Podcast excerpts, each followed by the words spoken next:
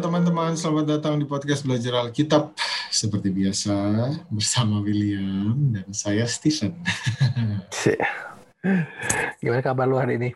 Sehat, tapi gue sedang dalam masa banyak sekali kerjaan. Uh, tapi puji Tuhan bisa lancar-lancar aja sih. Disyukurin dong kalau banyak kerjaan.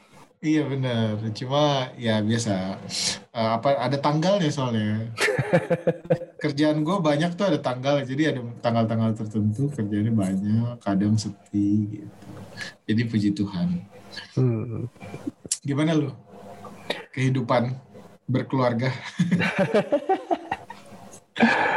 Selalu dinamik. Waduh, yang artinya? Eh kok dinamik sih? Dinamis. dinamis. iya, iya. Kalau ada anak ya itu kan serunya itu ya. Kalau ada anak itu ada aja hal baru tingkahnya hmm. gitu. Hmm. Ya walaupun kadang ngeselin gitu, tapi uh, yang namanya anak gitu ya selalu unik aja. Jadi ya puji Tuhan sih um, ngelihat perkembangan mereka.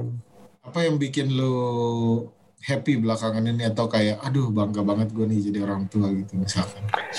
kalau belakangan ini jadi gini nih um, sebenarnya waktu anak gua tuh umur yang pertama ya umurnya hmm. masih kayak satu tahunan dua tahun gue pikir kap, uh, kan di gereja itu suka ada um, keluarga-keluarga muda yang mereka tuh nyanyi bareng bapaknya sama anaknya kayak memuji Tuhan gitu yeah. Ya. um, terus gue lihat wah kok kayaknya inspirational gitu maksudnya kita agak ngelihat uh, apa namanya harus profesional atau gimana tapi kayak ini keluarga kok dia bisa didik anaknya kayak gitu terus gue ngeliat anak gue waduh ini disuruh duduk aja susah banget apa mungkin bisa kayak gitu.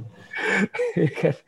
tapi terus gara-gara pandemi uh, habis itu kan kita semua virtual. Nah, terus karena gereja juga kan nawarin, ayo ada yang mau pujian gak? Nanti direkam aja tampilin.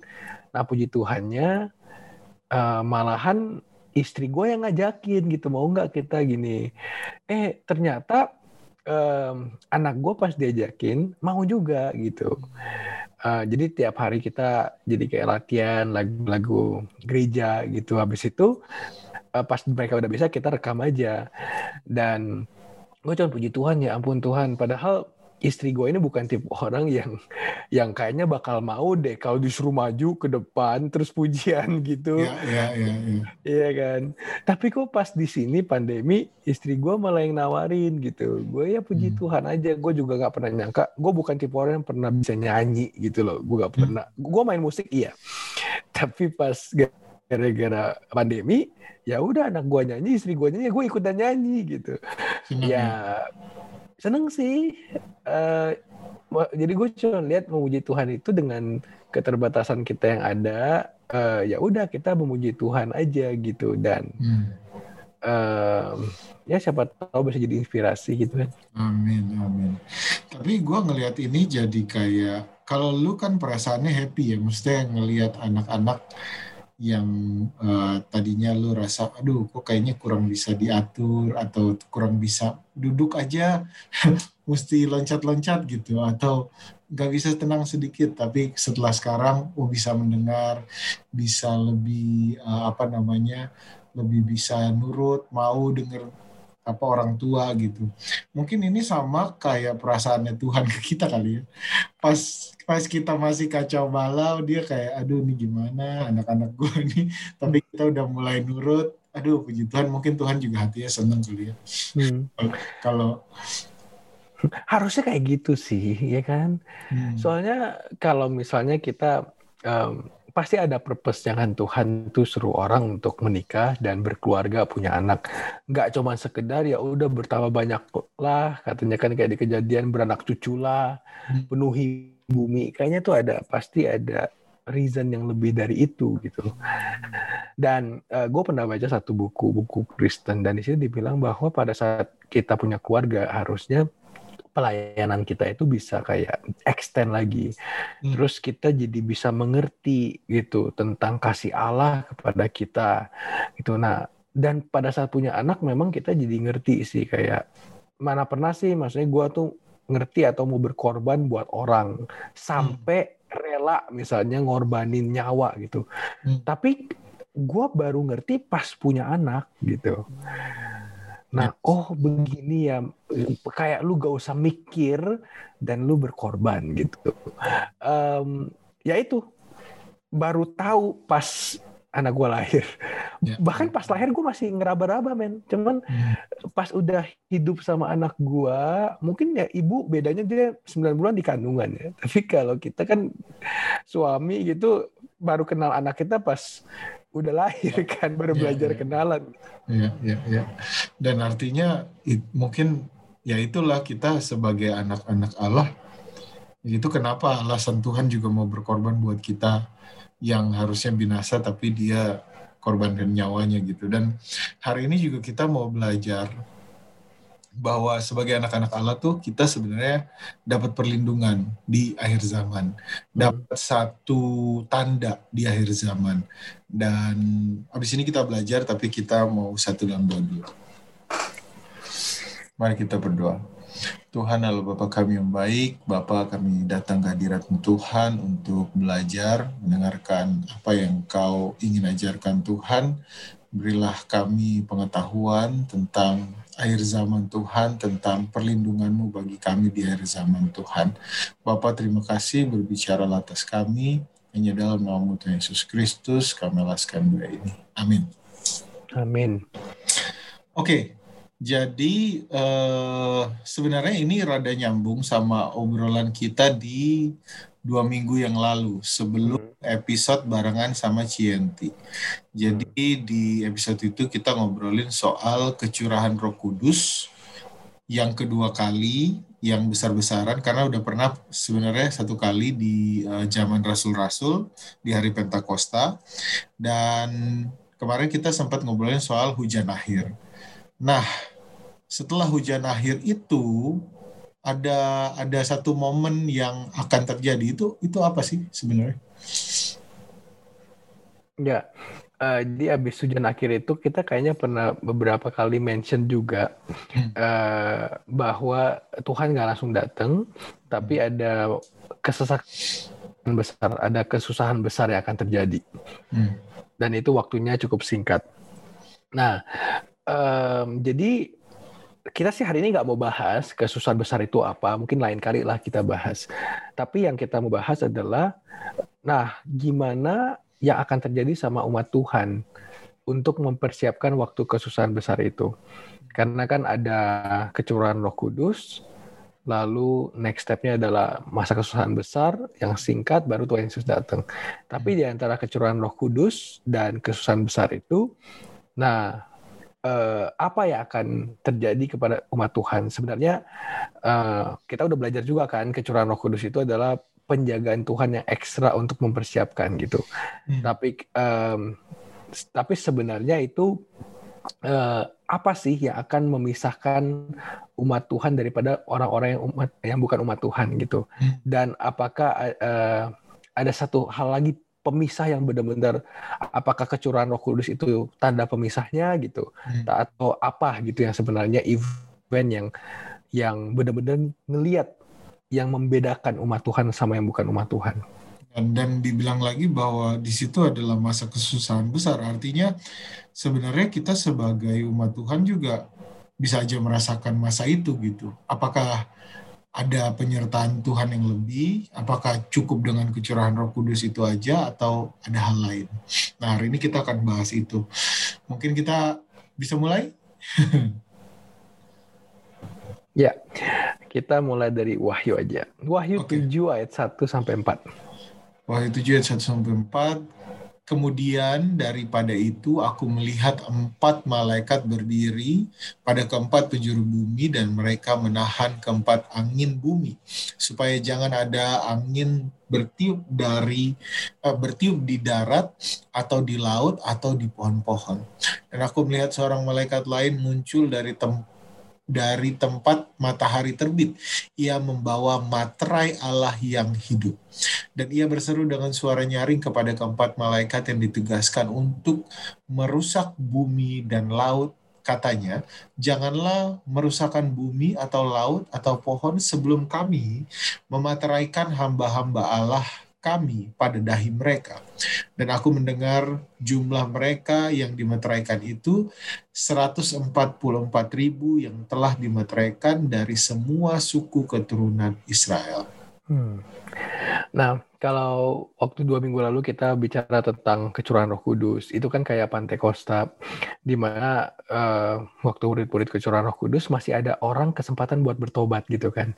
Dan di zaman akhir waktu umat-umat Allah dicurahkan Roh Kudus, lebih lagi masih tetap ada orang yang bisa bertobat. Jadi itu pintu kasihan masih terbuka gitu. Tapi di sini uh, kita dapat satu informasi bahwa sebenarnya yang menahan ini uh, kesusahan besar ini adalah ada empat uh, malaikat gitu kan tapi itu disuruh tahan nah kenapa disuruh tahan karena uh, hamba-hamba Allah belum selesai dimateraikan nah jadi sekarang ini masih proses pemateraian tapi ini belum selesai Umat kenapa Allah sih? masih masih dalam proses ya ya Hmm. Kalau itu udah selesai, makanya kalau di Wahyu ada dibilangkan yang jahat bertambah jahat, yang baik bertambah baik, itu adalah pemisahan yang benar-benar. Di situ udah nggak bisa lagi. Itulah pintu kasihan udah tertutup.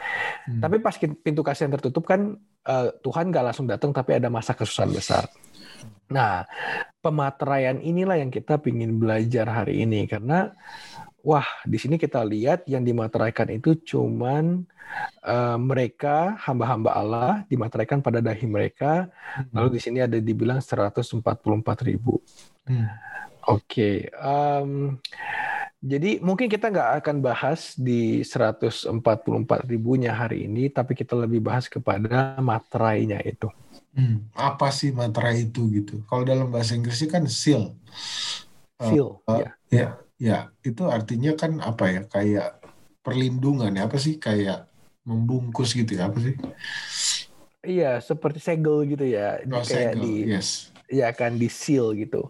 Hmm. Um, makanya kita coba uh, pingin belajar mengenai materai ini karena kalau kita tahunya di Indonesia itu materai itu yang materai 6000.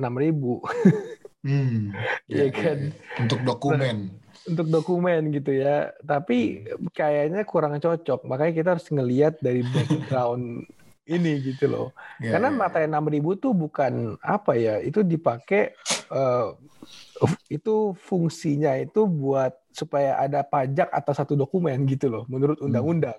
Hmm. Hmm. Teman-teman bisa cek deh undang-undang nomor 13 tahun 1985. Waduh.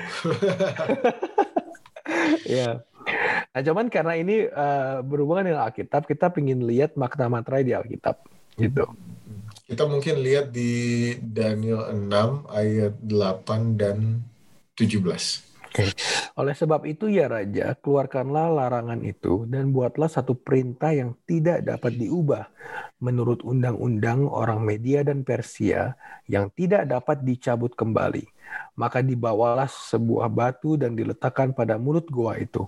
Lalu Raja mencap itu dengan cincin materainya dan dengan cincin materai pada para pembesarnya, supaya dalam hal Daniel tidak dibuat perubahan apa-apa. Hmm. Oke. Okay.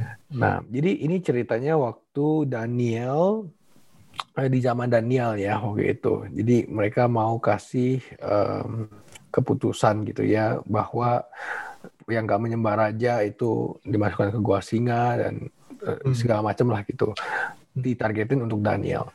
Tapi kita lihat di sini bahwa materai raja itu digunakan untuk mengesahkan keputusan raja. Hmm. Jadi artinya kalau raja udah bikin undang-undang itu nggak bisa dirubah oleh siapa pun. Itu fungsi materai, itu fungsi cap dari raja itu. Hmm. Dan dan setiap yang sudah dimateraikan raja itu ya harus dilakukan gitu. Itu sah hukumnya. Hmm. Nah kita bisa lihat juga um, contohnya waktu uh, apa namanya Raja Ahab misalnya ya di satu hmm. Raja-Raja 21 ayat 8. Kemudian ia menulis surat atas nama Ahab, memateraikannya dengan materai raja, lalu mengirim surat itu kepada tua-tua dan pemuka-pemuka yang diam sekota dengan Nabot. Nah ini ceritanya istri Ahab, Isabel kan nih jahat nih menyembah patung. Hmm. uh, waktu mau mengeluarkan satu perintah untuk kepentingan dia, jadi supaya nggak ada yang bisa ngelawan si Isabel ini, jadi Isabel tulis surat dan surat itu dimateraikan dengan materai raja. Hmm. Ya. Ya, kita bisa lihat lagi contohnya di Esther. Esther 3 ayat 12. Maka dalam bulan yang pertama pada hari yang ke-13 dipanggillah para penitra raja lalu sesuai dengan segala yang telah diperintahkan Haman ditulislah surat kepada wakil-wakil raja, kepada setiap bupati yang menguasai daerah dan kepala setiap pembesar bangsa, yakni kepada tiap-tiap daerah dan menurut tulisannya dan kepada tiap-tiap bangsa menurut bahasanya. Surat itu ditulis atas nama Raja Ahasiweros dan dimaterai dan dimaterai dengan cincin materai raja. Hmm. Jadi waktu itu kan Haman benci banget sama orang Yahudi, benci banget sama Mordekai dan Haman ngetrik raja waktu itu. Hmm. Pokoknya raja ini ada yang bagus nih semua orang harus pokoknya dibuat seolah-olah menyembah raja atau apa gitu ya. Hmm. Dan akhirnya tujuannya supaya membinasakan orang Yahudi. Hmm. Nah, oh. jadi di sini kita lihat materai raja itu powerful banget. Hmm. Pokoknya di zaman dulu apa pun yang udah dimateraiin itu mutlak. Hmm. Dan siapa pun yang punya materai itu, dia itu akan bertindak di bawah keputusan yang ada materai raja itu. Jadi kalau misalnya dia mengikuti apa yang sudah dimateraikan itu, dia terlindung, terlindung atas uh, keputusan atas undang-undang yang telah raja oh, buat. Ya. Sedangkan ya, tapi kalau orang itu bergerak di luar, uh, Sedangkan kalau dia ada di luar uh, tindakan atau seal yang dibikin atau meterai yang dibuat raja ya dia ya bisa dihukum bahkan hukumannya sampai hukuman mati gitu. Betul. Contohnya Daniel hukuman mati kan. Waktu hmm. zaman Isabel juga, zaman Esther pun juga kayak gitu. Nah, jadi uh, kita ngelihat bahwa materai ini di uh, zaman uh, waktu itu dan sepanjang Alkitab menulis tentang materai atau seal itu tuh benar-benar satu hal yang sangat penting yang punya kuasa. Ya, ya, ya, ya. Apa kalau kalau negara tuh uh, kayak kayak bikin misalkan bikin undang-undang yang baru gitu, terus hmm. uh, nanti presidennya mengesahkan dengan dengan stempel atau cap presiden dan tanda tangannya gitu kali ya. Hmm, hmm. Ya, ya, ya itu artinya udah punya kuasa yang yang udah sampai ke tingkat yang paling atas gitu dan udah nggak bisa diubah. Ya makanya kayak sekarang misalnya pas lagi let's say PSBB gitu atau hmm. ppkm, nanti siapa yang ngeluarin itu? Misalnya pemerintah setempat gitu, pemerintah daerah buat uh, apa? Buat surat pasti ada stempelnya di situ kan hmm. atau presiden bikin satu apa mengesahkan satu undang-undang atau apa itu ada lagi gitu loh hmm. Hmm. ada stempelnya gitu loh tapi apa yang bikin materai ini jadi sangat powerful kenapa kenapa eh, seakan-akan di sini diibaratkan dengan materai gitu untuk melambangkan satu hal yang nggak bisa berubah kenapa materai ini kayak gitu Hmm. Um, yang pertama sih kita harus ngeliat ya bahwa maksudnya gini, karena kalau kita pikir itu kan cuma cap. Hmm. Kenapa harus uh, apa bedanya capnya yang raja buat, yang presiden buat atau pemerintah buat dibanding cap yang gue buat sendiri kan gitu kan it's ya. only yeah. a cap gitu. Tapi sebenarnya di dalam uh, ada hal yang membuat materai itu tuh jadi powerful gitu. Bukan sekedar cincin raja atau cap raja gitu. Uh, yang pertama di dalam materai atau mungkin kita enaknya ngomongan ngomongnya cap ya daripada um, karena itu yang untuk berhubungan sama undang-undang gitu. Itu pasti ada yang pertama ada nama. Nama orang yang memberikan undang-undang. Hmm jadi misalnya di cap itu kalau misalnya teman-teman pernah lihat ada satu ke, keputusan atau apa yang dibuat bisa ditulis Presiden Republik Indonesia gitu hmm. di cap itu. Um, terus nanti ada ada tanda tangan ada namanya orang itu gitu kan. Hmm. Lalu ada jabatannya. Hmm. Ya, jadi misalnya uh, pre, uh, apa namanya di yang jabatan ini biasa yang yang muterin cap itu tuh entah hmm. misalnya apakah menteri apa gitu misalnya hmm. itu jabatannya nah lalu uh, ada daerah kekuasaannya hmm. gitu nah dan biasanya ini terletak di akhir dari surat dari apa satu keputusan atau undang-undang yang udah dibuat yeah. Yeah. nah jadi dan surat itu nggak bakal sah kalau nggak ada segelnya, nggak ada stempel dari yang membuat peraturan itu kan. Benar, benar. Makanya kadang kita kalau suka lihat yang apa yang suka di share share di WhatsApp tuh yang hoax hoax, kita cari stempelnya benar nggak nih gitu. Nah betul. Dan di situ harus ada siapa, ada nama gubernurnya misalnya, ada jabatannya apa, daerah iya. kekuasaannya apa. Biasa kan uh, Jakarta daerah Jakarta ya. misalnya gitu ya, kan. Ya, hmm. Oke oke oke. Ya. Dan um, ini kalau teman-teman bisa lihat ini sih berlaku di seluruh dunia gitu. Siapa pun hmm. yang bikin surat kalau dari uh, pemerintah pasti ada negara apa pun. Hmm. Misalnya Presiden Amerika, ya berarti ini berlaku untuk daerah Amerika, Amerika misalnya kayak gitu. Nah, jadi kalau kita kembali Wahyu 7 ayat 3 sampai 4 tadi nih ya. Katanya janganlah merusakkan bumi atau laut atau pohon-pohon sebelum kami memeteraikan hamba-hamba Allah kami pada dahi mereka. Dan aku mendengar jumlah mereka yang dimateraikan itu 144 ribu yang telah dimateraikan dari semua suku keturunan Israel. Nah, jadi ini sejalan gitu. Materai Allah ini sifatnya itu untuk melindungi umat-umat Allah. Kalau gubernur bikin satu keputusan untuk PSBB itu hmm. ada undang-undangnya, ada konsekuensinya juga kan kalau misalnya hmm. melanggar gitu.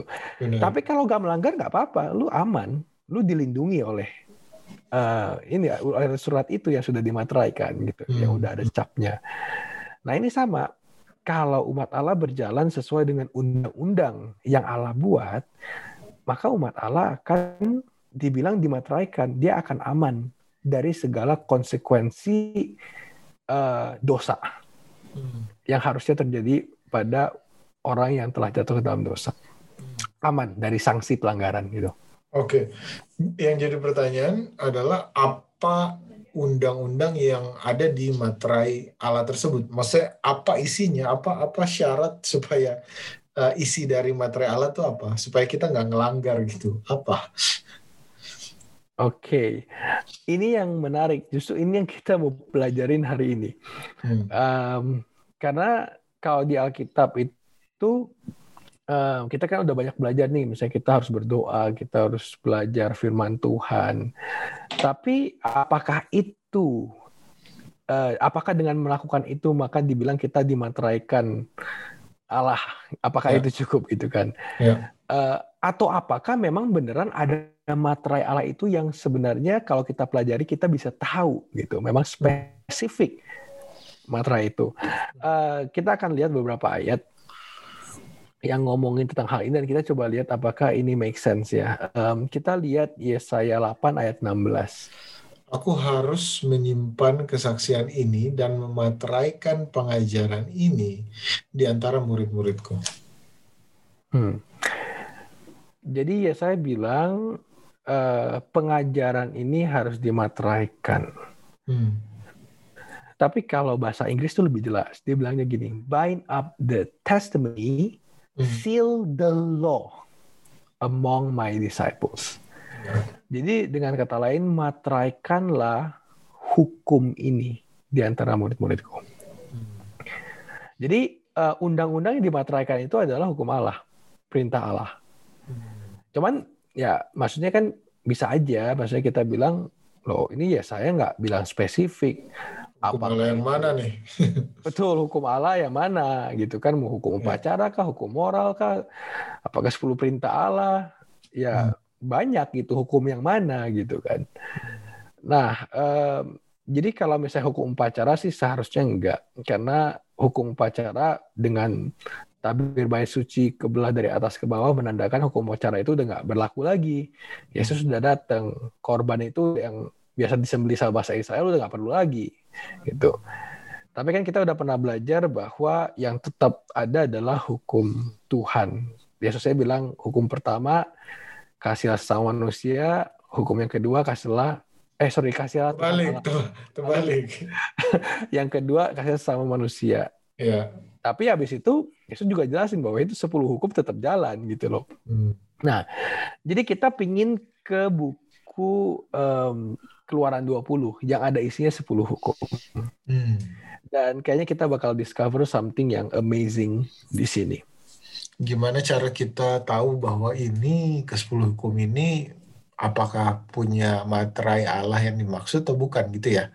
Ya, karena tadi kita udah belajar kan bahwa kalau matra itu tuh biasanya akan ada nama, nama yang membuat undang-undangnya, jabatan daripada yang membuat undang-undang tersebut atau gelarnya dia apa dan teritorinya dan daerah kekuasaan dia itu apa. Itu Sama penting. ya? Sama ya, artinya maksudnya itu kan kelihatannya aturan dunia tapi eh, harusnya sama kali ya. Iya, karena eh, kalau kita lihat di Alkitab eh, dari zamannya tadi kan Raja Ahasveros, eh, Raja Darius, Hmm. Raja Ahab itu juga matra itu memang begitu gunanya. Di zaman sekarang pun orang pakai matra itu cap itu begitu. Hmm. Kekuasaan itu ada di situ kan. Hmm. Nah, em, coba ya kita mulai dari hukum pertama nih. Hmm. Keluar 20 ayat 3. Janganlah ada padamu Allah lain di hadapanku. Oke. Hmm. Apakah di sini ada nama, ada gelar dan teritori? Hmm, ada. Ya, nama ada sih. Ada nama doang hadap di hadapan. Tapi hadapanku ya, cuman Ya, gitu. cuma aku doang, aku. Ya. nggak ada gitu ya. Eh, kayaknya nggak ada. Coba kita lihat di Keluaran 20 ayat 4 sampai 6. Ini hukum kedua ya.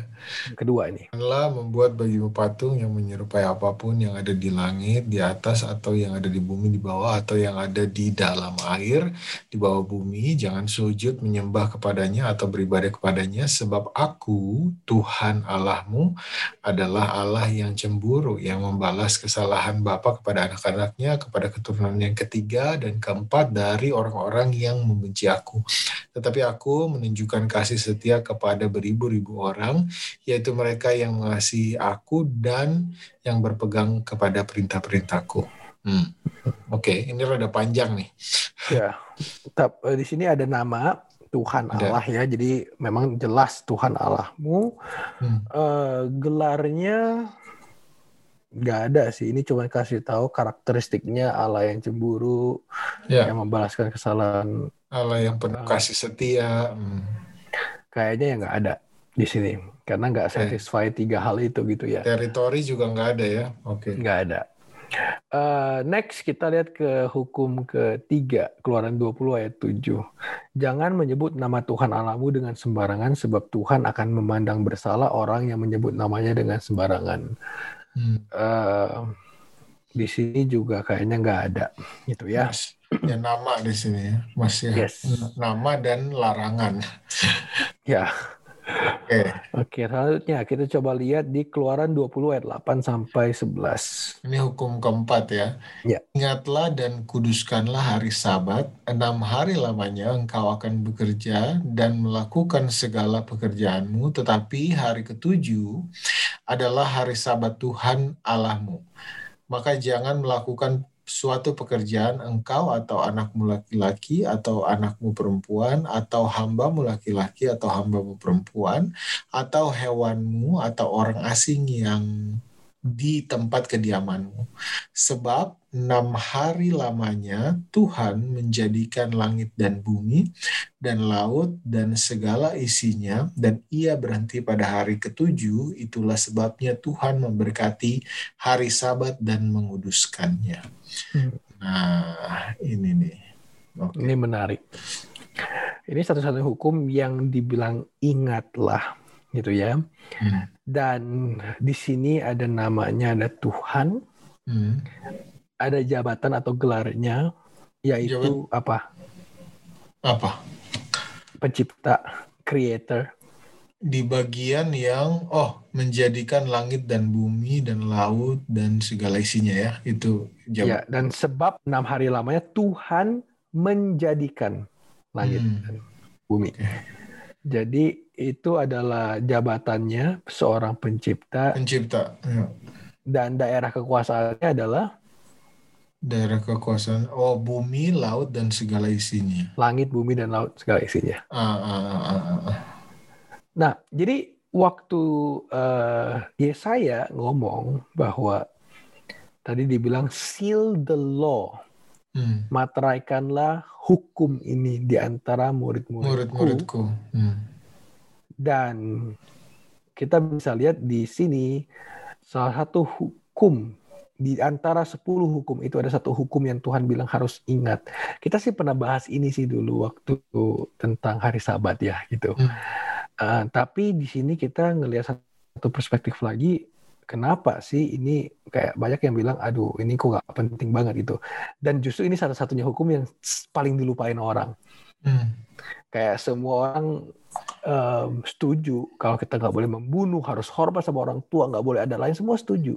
Hmm. Pas ngomong hari Sabat, oh itu udah dipalangkan di kayu salib, kan kayak. Nah, Jadi, ya, tapi di hukum ini men- hanya hukum yang ini yang menceritakan bahwa Tuhan itu adalah pencipta kita dan Tuhan itu menciptakan langit dan bumi dan laut dan segala isinya. hmm. ya. Dan ini Sebenarnya uh, menandak apa menunjukkan materi Allah gitu. Hmm.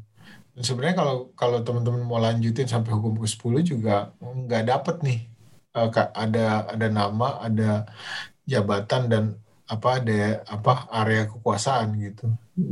Yang yang kalau di sini kita bisa bilang bahwa em, ini ini kayaknya materai Allah itu gitu. Adanya di hukum keempat dengan cara eh, Allah minta kita untuk menguduskan hari Sabat gitu. Dan um, menariknya di Yesaya tadi dia ngomongnya adalah aku harus menyimpan kesaksian ini dan memateraikan pengajaran ini yaitu hukum ini ya di antara murid-muridku. Cuman di antara murid-murid Tuhan, hanya di antara umat-umat Tuhan. Ya. Karena mungkin yang lain juga tidak menganggap itu penting. Ya. Kayak banyak juga kita kalau dikasih satu peraturan dari pemerintah atau apa, banyak juga yang melawan enggak itu nggak penting buat gua gitu. Hmm. Dan jadi yang menganggap penting siapa yang patuh kepada peraturan. Nah, kita bisa lihat lagi sebenarnya em, ini kalau ini cuma ditulis di Keluaran 20 dan eh, mungkin kita agak main tebak-tebakan ya kayak oh bisa aja sih disambung-sambungin gitu. Ya. Tapi kita coba akan lihat ayat-ayat lain gitu. Apakah memang ini tuh ada di ayat lain dan mungkin kita pernah baca, tapi ini ters- karena terselubung begini dan yang hanya bisa ngerti adalah katanya murid-murid Tuhan yang akan dimateraikan. Kita pengen lihat coba. Eh, contohnya lagi ya di Keluaran 31 ayat 17. Antara aku dan orang Israel, maka inilah suatu peringatan untuk selama-lamanya. Sebab enam hari lamanya Tuhan menjadikan langit dan bumi, dan pada hari ketujuh ia berhenti bekerja untuk beristirahat. Oke. Nah, em, kalau di dalam bahasa Inggris kalau dibilangnya it is a sign between me and the children. Kalau di bahasa Indonesia kan ini adalah suatu peringatan, ya. Hmm. Nah, tapi dibilang ini adalah sign. Sign itu kalau dalam bahasa Ibrani yaitu oath, distinguishing mark atau tanda yang membedakan. Jadi em, ini itu apa? Ini adalah hari Sabat kan? Karena Tuhan menjadikan langit dan bumi katanya di sini. Dan ini harus menjadi satu tanda pembeda untuk selama-lamanya. Apakah selama-lamanya cuman sampai di perjanjian lama? Hmm. Atau sampai Yesus mati di kayu salib? Dibilang ini adalah tanda pembeda umat Tuhan selama-lamanya. Dan apa yang harus diingat? Tuhan itu pencipta langit dan bumi. Hari ini, banyak loh yang nggak percaya bahwa Tuhan itu ciptain langit dan bumi. Hmm. Ya. I'm serious gitu banyak. Nah, em, dan bagaimana kita bisa memperingati, kita bisa merefleksikan, merenungkan bahwa Tuhan itu memang pencipta kita Hmm. dengan menguduskan hari Hari Sabat, Sabat. ya kan? Nah, jadi kalau kita ingat bahwa Tuhan kita itu eh, pencipta ya, kita itu nggak menunjukkan itu dengan perkataan, tapi dengan Hmm. perbuatan. Hmm.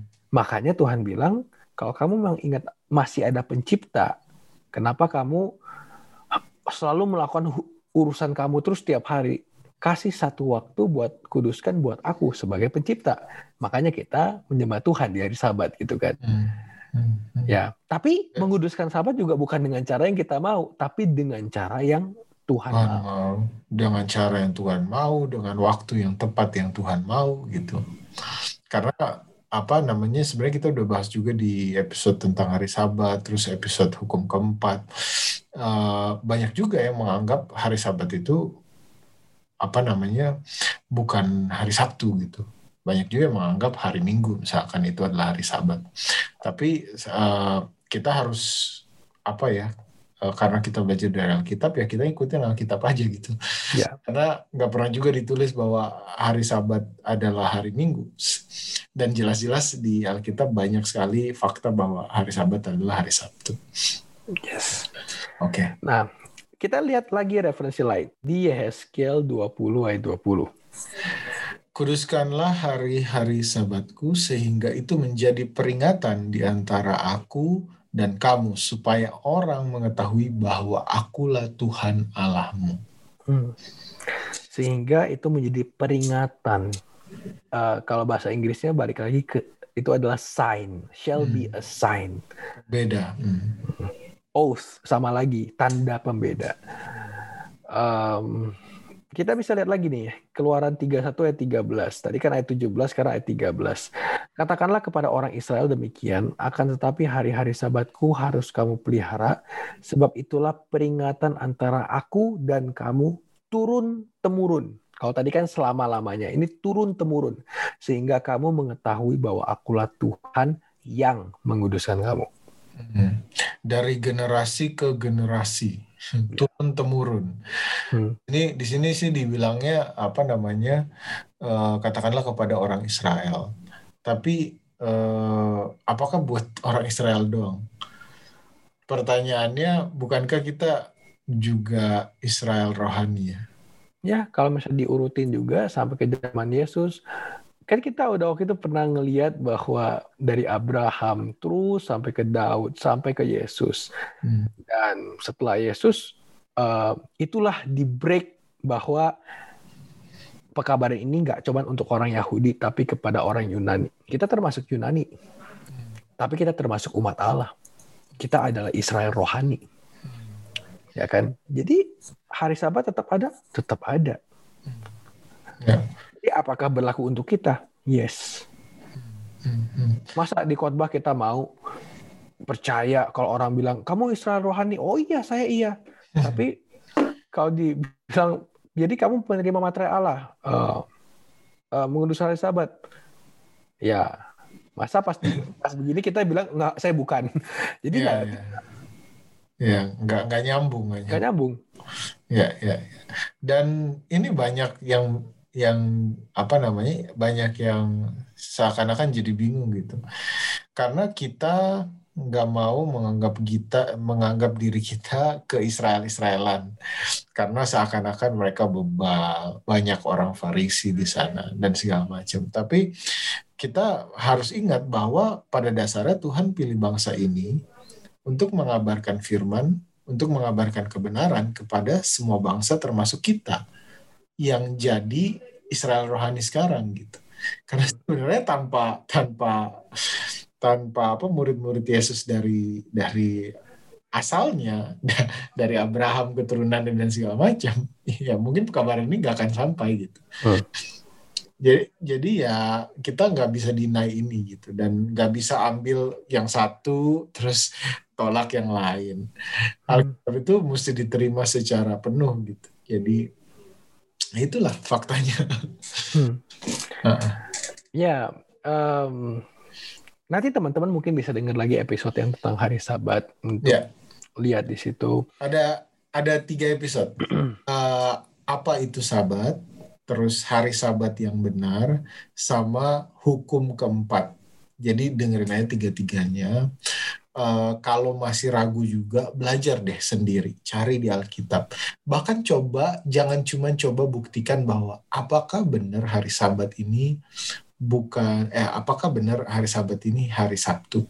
Tapi coba buktikan juga deh, apakah benar ada tulisan tentang hari Minggu untuk beribadah atau menyembah Tuhan? Ada nggak? Coba hmm. cari deh gitu.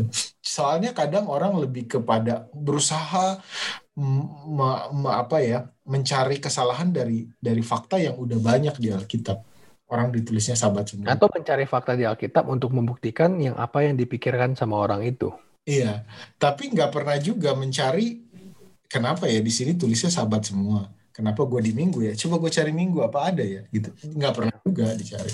Jadi maksudnya uh, berdoa, dengerin uh, dan coba belajar dan uh, nanti curhat sama kita, ngobrol sama kita kalau mau nanti bisa hmm. DM, bisa email, nanti kita respon, kita ngobrol aja biar biar makin jelas kita bertumbuh sama-sama dalam Tuhan. Hmm.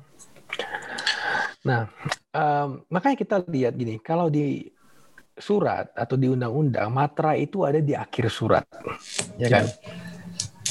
Nah, kalau di umat Allah itu jadi matranya gimana? Apakah dengan kita yang penting memelihara sahabat aja gitu loh? Atau Gimana? Nah ini kita balik lagi ke Wahyu 7 ayat 3 sampai 4 dan kita akan ngelihat spesifik kok ditulis di mana materai Allah itu diberikan pada umatnya. Oke, ini uh, bagian tengahnya ya tiga ke bawah. Katanya janganlah merusakkan bumi dan laut dan pohon-pohon sebelum kami memeteraikan hamba-hamba Allah. Hamba-hamba Allah kami pada dahi mereka. Hmm. Aku mendengar sejumlah uh, mereka dimateraikan itu 144 ribu yang telah dimateraikan dari su semua suku keturunan Israel. Hmm. Jadi umat Allah itu dimateraikan di mana? Di dahinya mereka. Hmm. Oke, okay. okay, tapi kita akan coba lihat reference lain lagi. Uh, Yeskel 9 ayat 4 sampai 6 firman Tuhan kepadanya, berjalanlah dari tengah-tengah kota, yaitu Yerusalem, dan tulislah huruf T pada dahi orang-orang yang berkeluh kesah karena segala perbuatan-perbuatan keji yang dilakukan di sana. Hmm. Dan kepada yang lain-lain aku mendengar dia berfirman, ikutilah dia dari belakang melalui kota itu dan pukullah sampai mati, janganlah merasa sayang dan jangan kenal belas kasihan orang-orang tua, teruna-teruna dan darah-darah anak-anak kecil dan perempuan-perempuan bunuh dan musnahkan. Tetapi semua orang yang ditandai dengan huruf T itu jangan singgung dan mulailah dari tempat kudusku. Lalu mereka mulai dengan tua-tua yang berada di hadapan bait suci. Ya. Nah, di sini juga dilihat bahwa umat Allah itu dimateraikan di dahi mereka. Cuman kalau bahasa Indonesia ini agak unik karena dia bilangnya huruf T. Gue juga nggak ngerti kenapa translationnya ada huruf T. Tapi kalau misalnya kita lihat bahasa Inggris, uh, King James Version, dia cuma bilang di situ adalah and set a mark upon their foreheads. Jadi buat umat-umat Allah yang berkeluh kesah karena kejahatan yang ada di sana, set a mark on their forehead. Di dahi mereka kasih tanda katanya. Nah, terus di ayat 6 dibilang but come not near any man upon whom is the mark. Jadi jangan dekati, dia beritakan sama malaikat itu, jangan dekati orang-orang yang punya tanda di dahi mereka. Dan mulai dari tempat kudusku.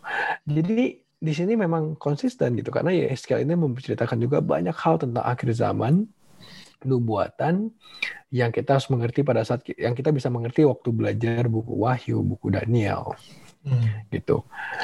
Jadi ya umat-umat Tuhan ditandai, diberikan materai di dahinya mereka. Hmm. Hmm. Um, ini lagi nih, Wahyu 14 ayat 1. Dan aku melihat sesungguhnya anak domba berdiri di Bukit Sion dan bersama-sama dengan dia 144 ribu orang dan di dahi mereka tertulis namanya dan nama bapaknya. Hmm. Materai Allah ada dahi dan sekarang dibilang di dahi mereka tertulis namanya dan nama bapaknya. Hmm. Tertulis nama Kristus dan Allah Bapa. Hmm. Dan ini menarik banget karena umat Allah nanti kita sama-sama Yesus di dahi kita yang diangkat ke surga tertulis nama Allah Bapa dan nama Kristus. Jadi sekarang kita dapat informasi lebih lagi materai Allah itu adalah nama Bapa, nama Kristus. Itu sama. Oke, um, kita coba lihat lagi ya. Mazmur 111 ayat 9. Dikirimnya kebebasan kepada umatnya, diperintahkannya supaya perjanjiannya itu untuk selama-lamanya. Namanya kudus dan dahsyat. Oke. Nama Allah adalah kudus. Hmm. Nama Allah ada di dahi kita. Dan ini yang lebih menarik lagi di sini. Roma 7 ayat 12. Jadi hukum Taurat adalah kudus dan perintah itu juga adalah kudus, benar dan baik. Wow. Hukum Taurat adalah kudus. Nama Allah adalah kudus. Hmm. Nama Allah ada di dahi mereka. Kalau hukum Taurat itu kudus, sama dengan nama Allah yang adalah kudus. Dan itu ada di dahi orang-orang benar Berarti maksudnya tanda di dahi orang benar itu adalah apa? Hukum itu juga dipelihara oleh orang yang benar di zaman akhir. Makanya di Yesaya tadi, kita balik lagi ke Yesaya tadi bilang ya, aku harus menyimpan kesaksian ini dan memateraikan pengajaran ini. Seal the law. Oke, Uh, cuma di sini yang rada membingungkan buat gua ini tanda di dahi ini beneran tanda tulisan atau gimana sih? Karena kalau yang di Yeskiel tadi kan ada huruf T tuh. Padahal bahasa Inggrisnya sebenarnya uh, mark aja gitu. Mark tanda kan, aja. tanda gitu. Terus uh, di Wahyu juga dibilang di sini bahwa uh, tertulis namanya dan nama bapaknya. Jadi di dahi mereka tertulis namanya dan nama bapaknya. Apakah memang beneran tulisan atau atau apa sih makna tanda di dahi ini sebenarnya? Hmm. Coba kita lihat ya beberapa ayat yang uh, akan menjelaskan hal ini. Kita mulai dari Ulangan 6 ayat 5 sampai 8. Kasihilah Tuhan Allahmu dengan segenap hatimu dan dengan segenap jiwamu dan dengan segenap kekuatanmu. Apa yang kuperintahkan kepadamu hari ini haruslah engkau perhatikan. Haruslah engkau mengajarkannya berulang-ulang kepada anak-anakmu dan membicarakannya apabila engkau duduk di rumah, apabila engkau sedang dalam perjalanan, apabila engkau berbaring dan apabila engkau bangun. Haruslah juga engkau mengingatnya sebagai tanda pada tanganmu dan haruslah itu menjadi lambang di dahimu. Oh. oh. Nah, dan menariknya lagi, ini kan yang Tuhan Yesus quote juga kasihlah Tuhan alamu dengan segenap hatimu dan segenap hmm. jiwamu gitu ya. Hmm. Hmm. Dan di ayat 6 bahasa Inggrisnya itu lebih bagus karena Indonesia itu bilang apa yang kuperintahkan haruslah engkau perhatikan. Yeah. Tapi kalau di dalam bahasa Inggrisnya dikatakan and these words perkataan ini hmm. which I command you this day yang aku perintahkan ini shall be in thine heart itu hmm. harus ada dalam hatimu. Tapi kan kita tahu hati itu bukan di dalam jantung atau hati di dada kita. Yeah. Itu adalah apa akal budi pikiran kita gitu. Yeah. Nah, dan dari ayat 5 sampai ke 8 itu ngomongin kalau kita mengasihi Tuhan itu terjadi di mana gitu. Startnya dari pikiran. Hmm. Segenap hatimu itu dengan segenap pikiran kita bukan hati kita berdebar-debar kepada Allah nggak begitu gitu. Segenap jiwamu, pikiran kita semuanya kepada Tuhan segenap kekuatan kita. Kita juga bisa memberikan semua yang kita bisa itu mulai dari pikiran lagi gitu. Dan di ayat 8 jelas kan dibilang tanda pada tanganmu dan lambang dari dahimu. Oke, segala perintah Allah yang uh, apa namanya jadinya kita pikirkan dan kita lakukan. Dan kalau diinterpretasikan dalam materai ini, artinya di dahi itu ya kita memikirkan mengakui hal tersebut, materai tersebut dan melakukannya gitu bahwa kita mengakui bahwa hari Sabat itulah hari yang dikuduskan Allah dan melakukannya gitu kali ya. Ya. Hmm. Dan um, itulah yang terjadi gitu. Maksudnya semuanya itu terjadi dalam pikiran kita, di dalam uh, pemahaman kita. Hmm. Itulah lambangnya. Ya, karena nah, kita bisa lihat lagi contohnya. Karena sebenarnya sebelum lo lanjut, karena sebenarnya uh, pada saat kita nggak mengakuinya, kita nggak bisa melakukan. Dulu gue nggak mengakui dan gue nggak melakukan. dulu gue taunya ya. gue beribadah hari Minggu gitu. Tapi pada saat gue punya pengertian tentang hari Sabat, ini adalah hari yang Tuhan mau kita kuduskan dan benar-benar menyembah Dia di hari tersebut dikhususkan. Gue punya pengertian itu, gue terima kebenaran itu, dan gue mau lakukan. Hmm. Kayak gitu, mungkin kayak gitu kali ya. Dan itu dimulai dari mana? Pikiran.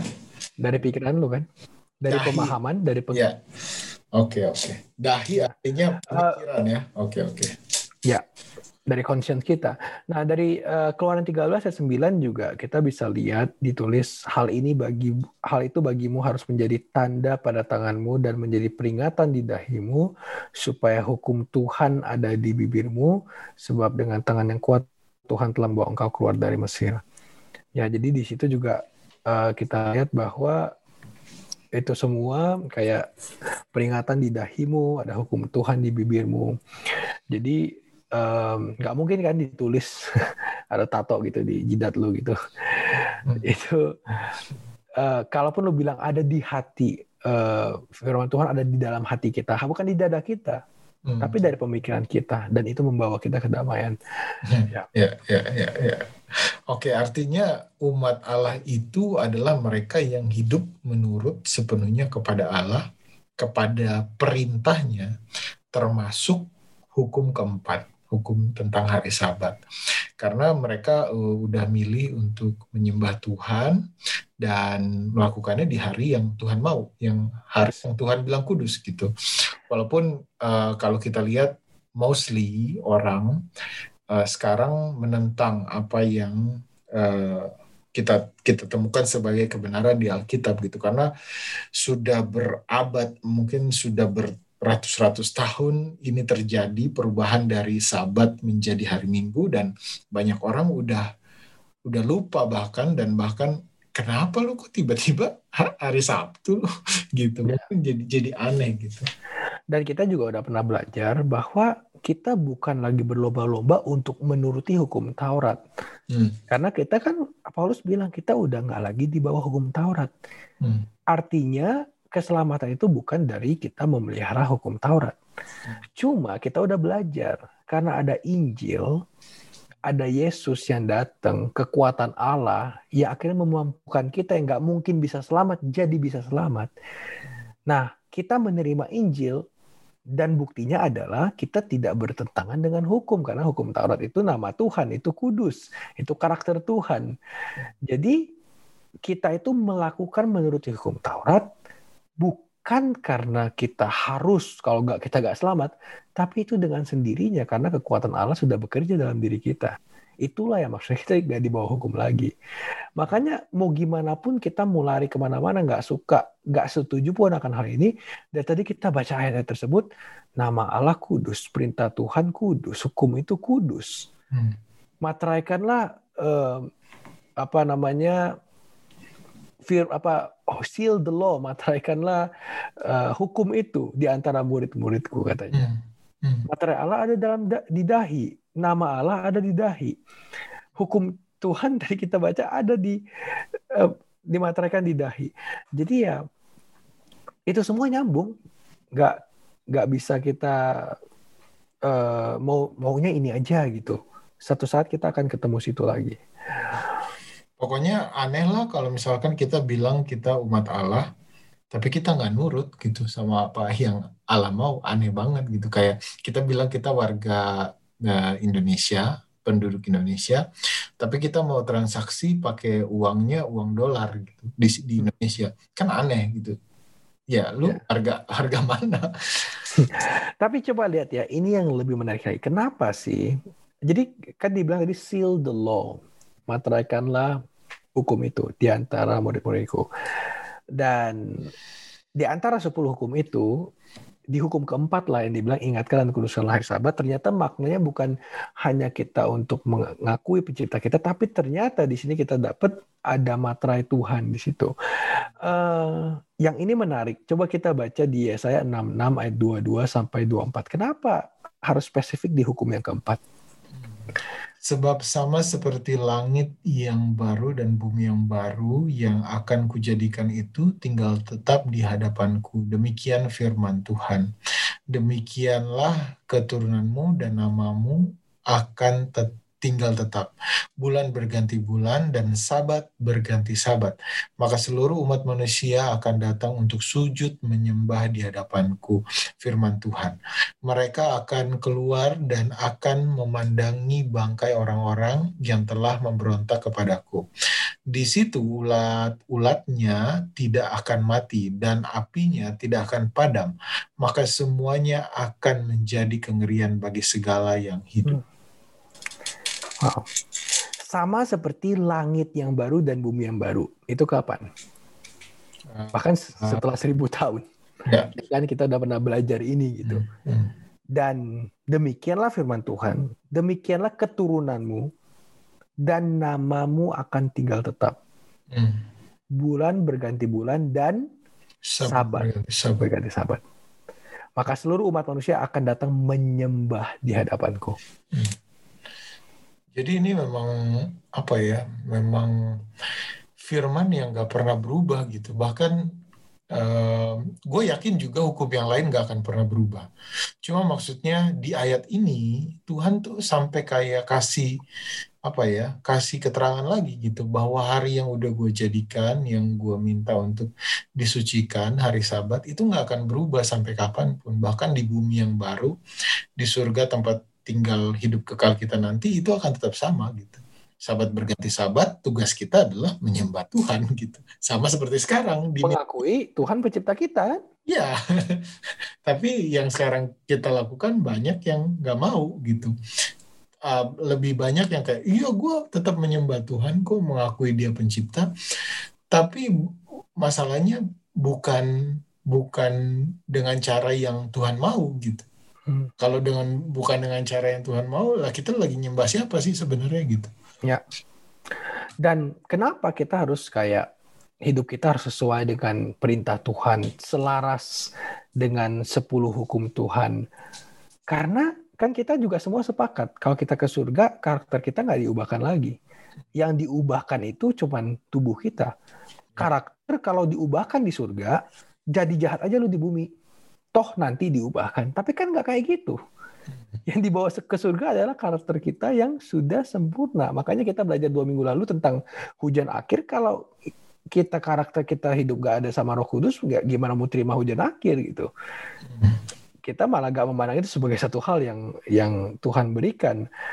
Nah, dan kita lihat uh, pada saat karakter kita udah sesuai dengan firman Tuhan, sesuai hukum Tuhan yang adalah kudus, kita udah siap untuk ke surga karena di surga itu adanya kudus hmm. itu loh hmm. dan dan di situ juga sahabat itu pun juga tetap ada jadi firman Tuhan itu karakter Tuhan nggak bisa kita bilang oh itu udah udah ditiadakan kalau ditiadakan terus karakter Tuhan kita harap di surga itu karakter kita gitu ya. gitu itu nama Tuhan itu sifat Tuhan ya, ya. ya. Dan kita sebenarnya di sini ada ada penjelasannya sih gimana karakter umat Allah yang eh, menerima pemateraian atau menerima tanda perlindungan dari Allah itu. Orang-orang yang dibedakan itu. Gimana sih karakternya? Eh, kita lihat hmm. Wahyu 14 ayat 5 dan di dalam mulut mereka tidak terdapat dusta. Mereka tidak bercela.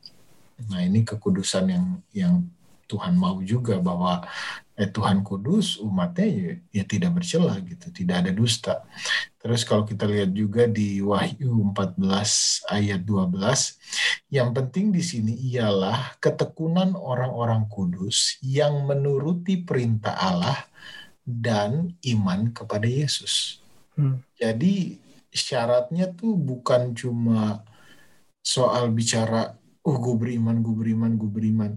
Bahkan kita udah sering ulang-ulang banget nih bahwa iman tuh bukan satu aspek gitu. Iman tuh ada dua hmm. aspeknya. Aspek bilang percaya dan melakukan gitu. Kalau cuma bilang percaya dan tidak melakukan, itu bukan iman kan katanya.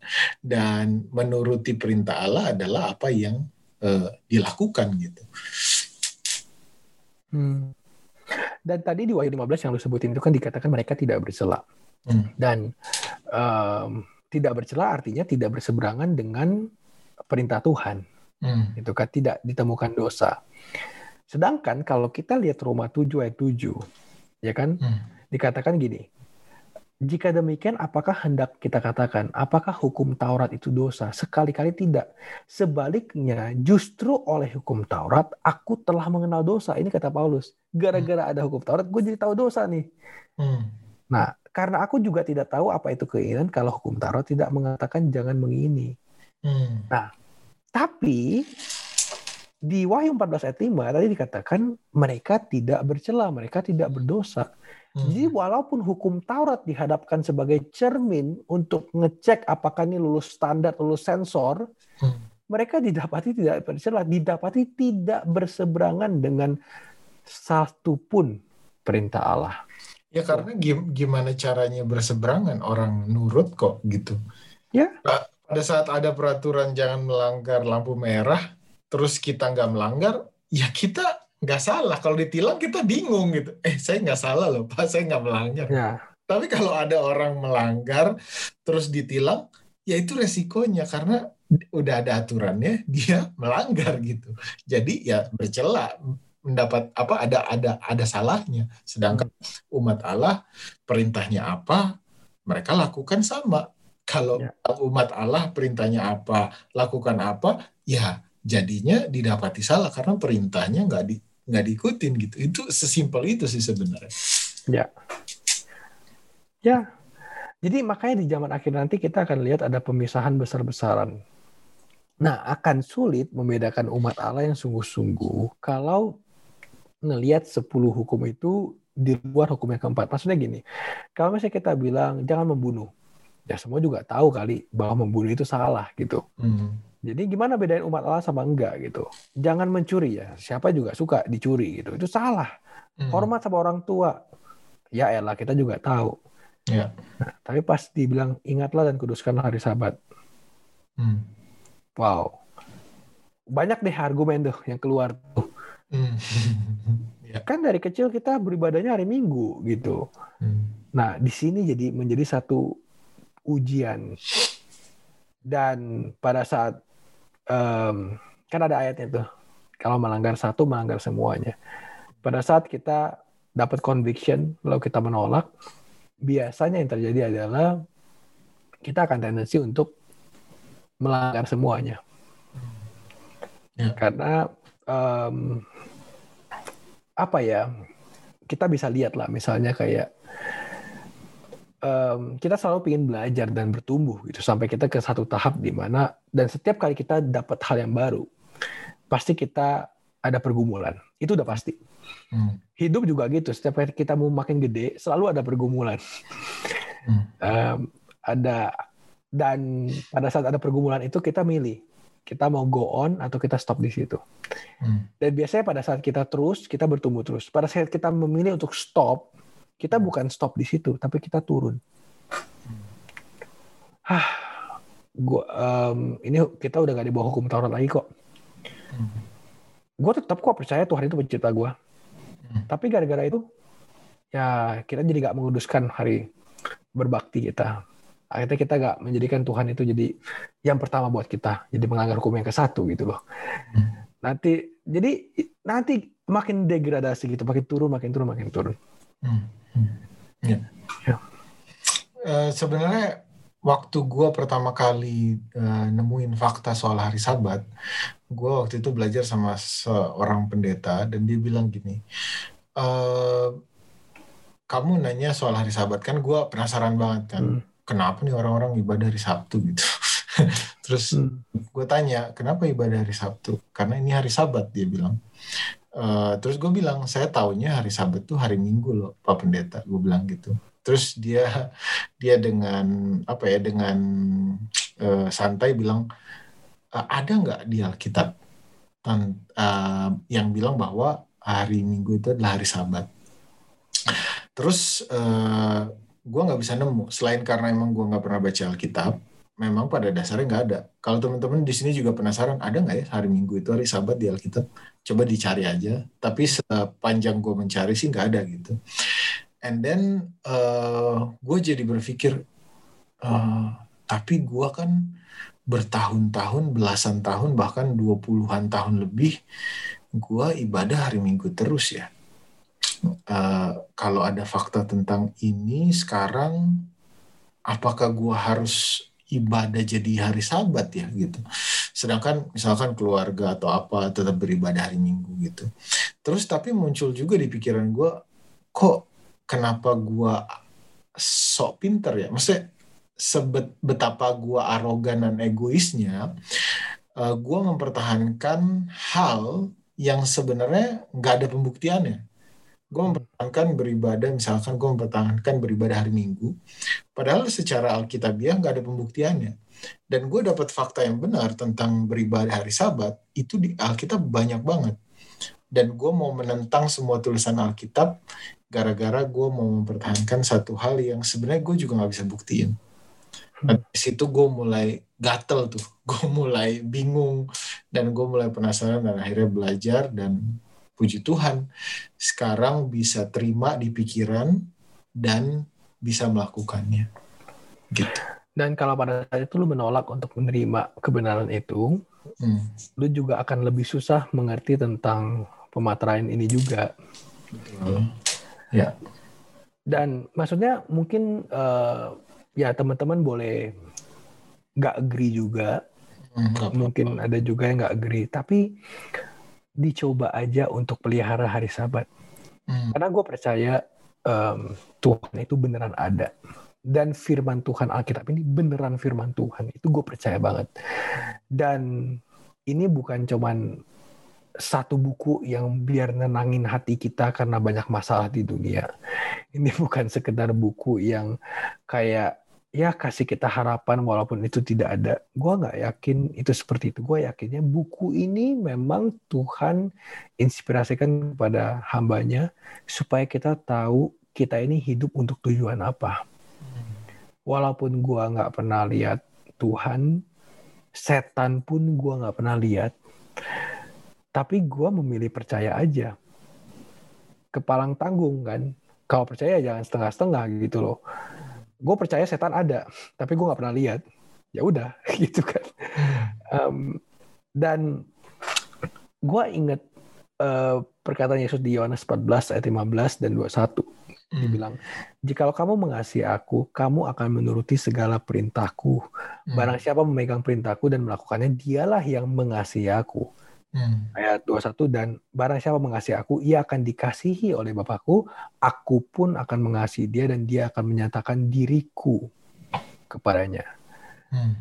Nah, uh, jadi uh, uh, gue cuma lihat bahwa um, setiap hal yang kita pelajarin walaupun kita nggak suka tapi kita lihat itu dari Alkitab itu biasanya akan memimpin kita buat mengerti hal yang lain lagi yang lebih hmm. sembunyi lagi yang Tuhan mau singkapkan itu. Amin. Dan lu ngerasa kayak gitu gak sih? Maksudnya selama kita belajar, ini kita belajar udah kayak uh, satu setengah tahunan lebih hmm. gitu ya. Ya. Um, gimana Tuhan tuh buka satu-satu dan puji Tuhan sampai sekarang uh, kita masih terus pingin belajar ya sih? Iya, betul. Dan apa ya bertumbuh bersama Tuhan tuh uh, menyenangkan sih menurut gua walaupun juga nggak gampang gitu karena bukan berarti kita nggak jatuh dalam dosa karena uh, kita berdua ini juga dosanya nggak sedikit gitu tapi uh, dengan terus belajar dengan terus mau dengar walaupun kadang nyakitin gitu kayak aduh ini gua banget nih hmm. hmm. tapi uh, dengan terus dengar terus mau coba lakukan minta Tuhan kuatkan eh kok tiba-tiba tanpa sadar eh kok gue udah nggak gini ya? Dulu hmm. misalkan pendendam gitu. Eh kok gue nggak pernah dendam lagi sama orang gitu? Kok nggak ada ya karakter ini? Misalnya gue dulu suka nipu gitu. Eh kok takut ya ngomong bohong atau hmm. nipu? Kok dulu kayaknya gampang gitu. Apa ngomong apa aja bohong gitu atau hmm. bohong gitu. Sekarang tapi eh kok takut ya ngomong ini ya takut itu ya itu bertumbuh di dalam Tuhan. Hmm. Dan kalau diperhatiin lagi di sini sebenarnya kamu akan menuruti segala perintahku. Segala loh, segala everything. Segala tuh bukan kayak satu dua, bukan sembilan, tapi semua all things. Uh, dan pada saat kita mempertahankan sesuatu untuk menentang segala perintah Tuhan, artinya ya, ya kita nggak menuruti sama sekali. Maksudnya kita nggak menuruti semuanya. Satu aja yang kita nggak turuti. Hmm. Kita nggak menuruti semuanya. Dan artinya ya kita juga nggak kasih. Di sini kan di, jelas banget barang siapa memegang perintahku dan melakukannya, ia yang mengasihi aku. Jikalau kamu mengasihi aku, kamu akan menuruti segala semua ya udah sih itu aja sih permainan dan dasarnya tuh kasih bukan di bawah hukum Taurat kalau di bawah hukum Taurat itu adalah aku akan menuruti engkau karena kalau aku gak menuruti engkau aku akan dihukum itu berarti di bawah hukum Taurat takut akan dihukum daripada dihukum gue ini tapi ini enggak gue kasih sama Tuhan sekarang Tuhan, what can I do supaya gue bisa abide in your love? Apa kayak Yohanes 15 ayat 5 bilang, ya 15, Yohanes 15 ayat 7. Ya kamu menuruti segala perintahku. Ya masalahnya kalau kita udah dalam hati aja kayak ah gue nggak mau kasih sama Tuhan ya udah nggak usah dengerin ini karena nggak harus semuanya lu turutin. Bahkan nggak usah lu turutin sama sekali karena hmm. nggak mau kasih sama Tuhan. Karena Tuhan tuh cuma minta dikasihi. Maksudnya kayak Tuhan cuma me, me, apa ya mem, memberikan apa ya kayak pengertian bahwa inilah kasih kepada dia. Bukan kayak bicara bukan kayak oh apa ya oh, nunjukin kepada ya, perbuatan ya. atau oh, apa persembahan atau oh, dermawan atau apa bukan bukan cuma bukan itu gitu tapi nurut nggak gitu kita dermawan gitu hari-hari tapi nggak nurut sama Tuhan ya sama aja bohong gitu nggak kasih hmm. artinya kalau dari sini ya gue nggak gue gue cuma bahas dari Alkitab ini aja ya ya gitu. Ya sekarang gini dong, maksudnya gue udah married berapa tahun ya? 2015, sekarang 2021, ya hampir enam tahun ya gitu. Hmm. Um, gue nurut istri gue ngomong apa, bukan bukan di bawah komando istri ya, cuman maksudnya kita saling menghargai lah gitu. Gue bisa oke okay, kalau dia ada bikin ada ruang lingkup masing-masing lah. Dan dia bikin misalnya peraturan ini. Gue nurutin itu bukan karena aduh daripada istri gue ngoceh. Hmm. nah kalau daripada istri gue ngoceh itu drive-nya udah salah itu itu di bawah hukum istri gitu. Tapi gue nurutin dia karena oh iya karena gue sayang sama lu dan gue juga lihat ini baik ini bisa membuat lu juga sayang sama gue gue melakukan itu dengan sangat happy gitu. Dan hmm. Wah ini bertabrakan dengan gue punya yang ini gitu loh. Tapi gimana ya kita work on supaya kita bisa menyatukan gitu. Jadi gak malah saling support walaupun lu bikin peraturan ini. Nah diomongin apa. Jadi dengan kayak gitu pertengkaran juga kurang. Gak ada juga karena gue juga gak pernah ngomong ke orang daripada istri gue marah. Pernah gak sih masih gue ngomong ke lu yeah, selama yeah. ini kita berteman? Gak pernah. Jangan, jangan istri gue marah nih. Kayak takut gitu. Enggak, gue cuma bilang, malah gue bisa lagi kan gue diskusi dulu sama istri gue ya gitu. Yeah. Um, jadi jadi ya kelihatan banget gitu bedanya pada saat itu didasarkan dari kasih atau itu didasarkan karena paksaan. Ya, karena paksaan. Ya. ya, dan itulah materai Allah yang akan dikasih kepada orang-orang kudus dan no wonder materai Allah itu adalah hukum Tuhan karena di dalam perintah Tuhan, 10 hukum Tuhan ada salah satu hukum yang ngomongin tentang otoritas daripada hukum itu. Hmm. Yaitu hari sabat. Allah pencipta, gelarnya pencipta, pencipta langit dan bumi. Itulah daerah kekuasaannya Allah. Di mana hukum itu berlaku, undang-undang itu berlaku. Ya. Tuhan ingin kita untuk baca firman-Nya, terus ngerti maksudnya Dia untuk kita, terus uh, perintahnya, hukumnya, karakternya, itu tuh Tuhan mau kita hidupkan gitu, hidup ya. benar, hidup kudus di hadapan Dia sebelum Dia datang supaya nanti kita bisa masuk ke ke, ke dalam kerajaan surga. Gue ada mau ngomongin satu statement dan ini kayaknya baru pernah kita obrolin satu kali kalau nggak salah atau dua kali gue lupa satu kali atau dua kali mungkin di sini ya teman-teman ada yang bertanya e, gereja mana ya yang menguduskan hari Sabat karena kayaknya banyak gereja tapi banyak kan hari Minggu gitu. Uh, dulu gue juga bertanya-tanya apakah uh, emang ada ya kan gereja hari Sabtu gitu. And then uh, sekarang gue bisa bilang bahwa uh, gue beribadah bergereja menjadi jemaat dari gereja Masehi Advent hari ketujuh dan kalau uh, teman-teman juga sadar bahwa Advent itu pengertiannya adalah umat yang menantikan kedatangan Tuhan yang kedua kali. Jadi uh, apa ya? Selama gue belajar, gue belum menemukan ada hal yang bertentangan sama firman Tuhan. Jadi uh, mungkin kalau misalkan teman-teman uh, sempat suka dengar kayak, oh kalau belajar sama orang Advent ribet banyak peraturannya. Bukan banyak peraturannya sebenarnya, tapi menuruti apa yang ada di Alkitab. Itu aja sih. Itu yang bikin gue tuh uh, bisa bisa apa ya ambil keputusan untuk kayak oke okay, ini pengajarannya udah bener, and then apalagi yang harus gue tunggu. Karena nggak ada alasan lagi sebenarnya. Hmm. Karena pengajarannya udah bener, semuanya bukan karena mau mau ke Israel Israelan mau ke Farisi Farisian enggak tapi memang beneran cuma nurut aja nurut aja semua firmannya karena ya itu tadi tanpa nurut tanpa menuruti segala perintahnya kita nggak kasih sama Tuhan ya itu sih paling gue mau share itu aja dan gue tuh jarang share ini baru berapa kali kayak dua kali deh gue ngomongin ini di di podcast hmm. Ya, dan uh, sebenarnya hari ini yang menguduskan hari Sabat gak cuman gereja Advent, hmm. ada juga beberapa uh, gereja lain, denominasi lain, contohnya Seven Day Baptist, gereja hmm. Baptis hari ketujuh gitu ya. Ada juga gereja Sabatarian, hmm. oke, ada juga gereja um, Sabatarian Pentekostalis.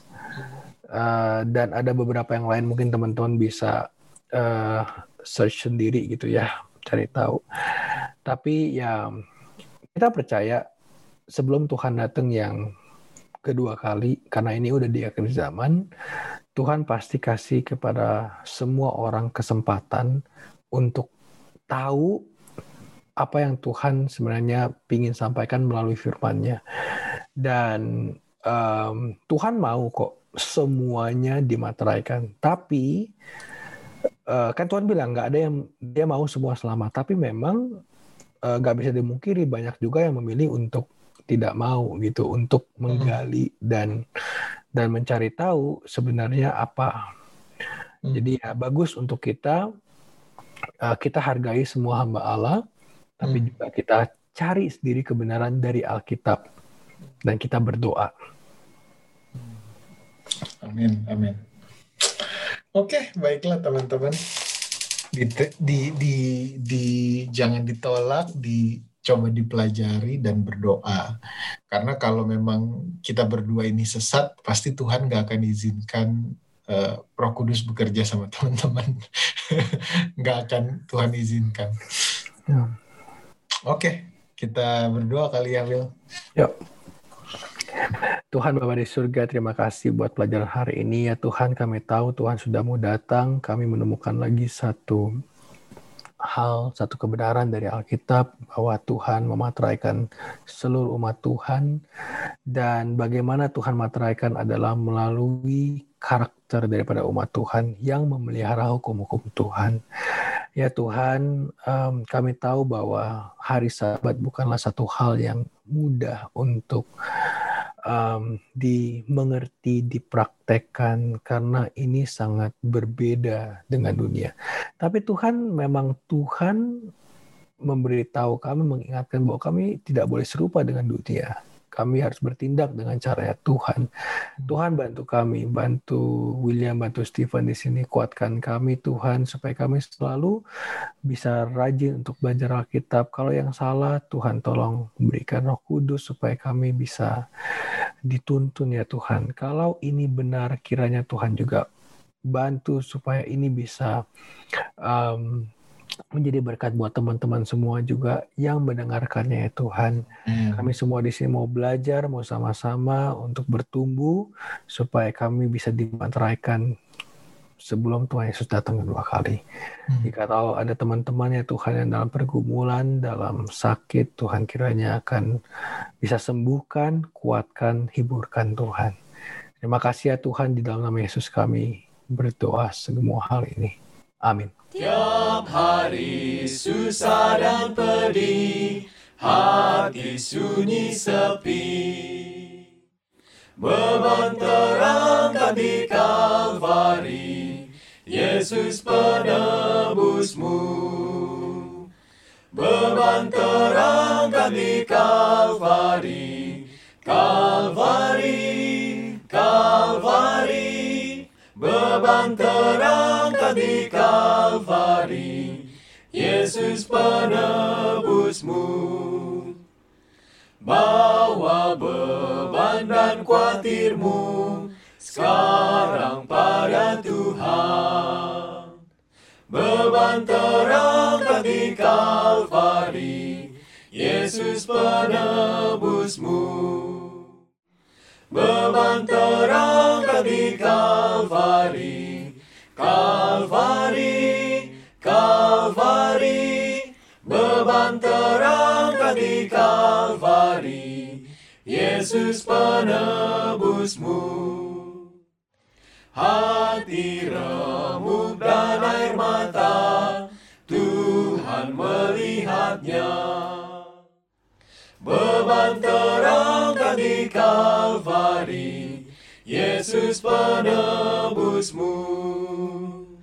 Beban terangkat di Kalvari, Kalvari, Kalvari. Beban terangkat di Kalvari, Yesus penebusmu.